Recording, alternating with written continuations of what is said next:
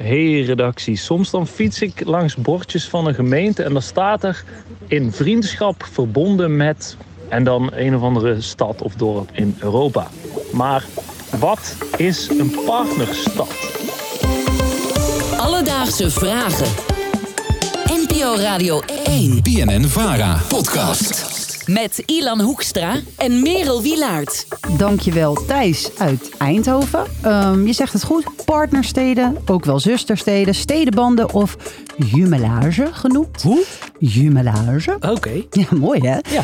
Ilan, wat zijn jouw top drie favoriete steden naast Amsterdam? Ik heb hierover nagedacht. Nummer 1 New York. Nummer 2 Berlijn. Nummer 3 Kopenhagen.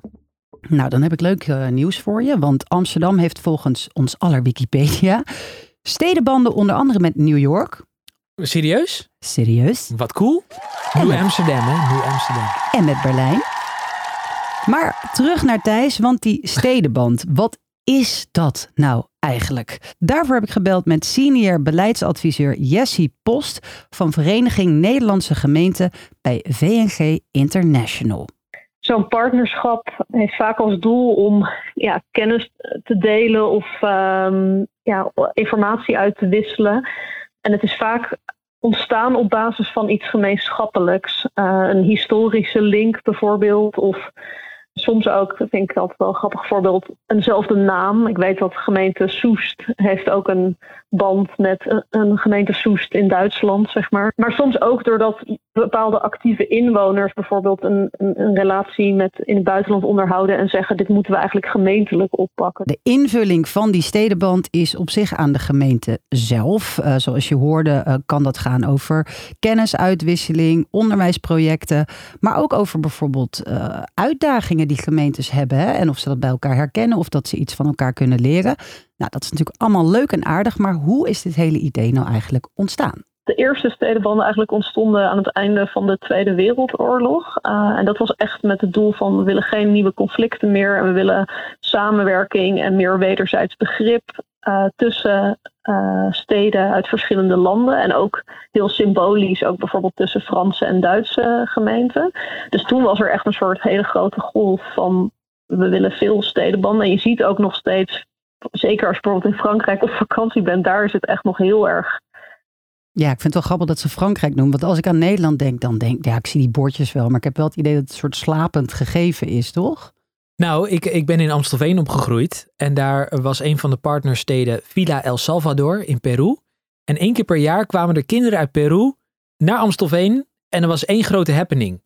Al heb ik dus, zoals net gezegd, het idee dat um, ja, veel steden een beetje slapende vriendschap met elkaar uh, onderhouden. Jessie, die zit ook wel iets anders gebeuren je ziet nu wel weer bijvoorbeeld met Oekraïne, komt het wel weer helemaal op. Omdat er best wel veel vragen zijn van Oekraïnse steden. Van wij willen partnerschappen met West-Europese gemeenten. En ja, nu zie ik weer dat heel veel Nederlandse gemeenten graag iets willen doen. Als je het hebt over stedenbanden en Oekraïne, dan kom je ook niet heen om de stedenbanden met Rusland. Ja, de laatste jaren is daar best wel kritiek op geweest. En dat geldt ook voor andere controversiële landen zeker bij oorlogssituaties en ook zeker inderdaad met de relaties met China, de mensenrechten schendingen, et cetera, ontstaan er vaak wel vragen en dilemma's uh, van rond de stedenbanden en ook vragen van inwoners terecht van we hebben nog steeds een stedenband met China, maar hoe kan je dat eigenlijk uh, goed praten?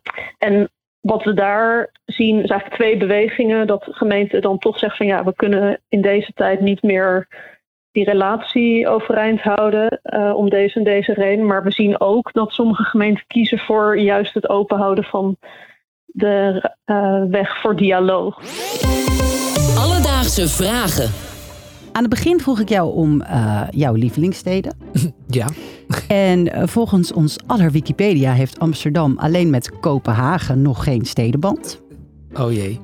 Dus ik dacht, wat nou als ik zelf een stedenband met Kopenhagen wil voorleggen aan de gemeente Amsterdam. Vult mijn hart met warmte. Wat heb je gedaan? Nou, ik heb even gebeld met de gemeente. hoe ik een initiatief kon indienen voor Kopenhagen. Nou, Met de gemeente Kopenhagen of met Amsterdam? Nee, met de gemeente Amsterdam. Nou werk jij natuurlijk zelf ook op deze redactie. Ja. Het is vakantietijd en dat merk je bij de gemeente. Ik heb mensen gesproken die, eens, die niet eens meer zeker weten of Amsterdam überhaupt nog stedenbanden heeft. En toen dacht ik, ik ga het even anders aanpakken. Dus ik heb alle stichtingen, stedenbanden, websites die ik ook maar kon bedenken aangeklikt en doorgelezen en een samenvatting gemaakt. En wat ik heb, ben tegengekomen, dat ga ik jou als een, als een tip meegeven hoe jij de band met Kopenhagen binnen kan slepen in Amsterdam. Dus ik moet het gaan doen. Jij moet het wel gaan doen. Oké, oké. Creëer een gemeenschap in Kopenhagen waar jij bij gaat horen. Nummer twee, begin een website met mooie plaatjes van beide plekken. Herhaal op je website heel vaak hoeveel je van elkaar kan leren. Ja, Begin een stichting en vraag subsidie aan. zo simpel kan het zijn.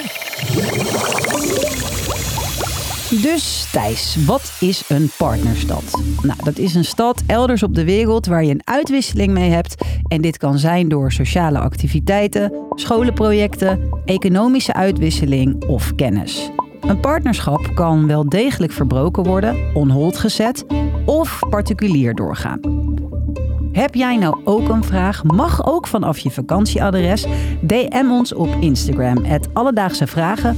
Of je kan een mailtje sturen naar alledaagsevragen.radio1.nl. Alledaagse vragen.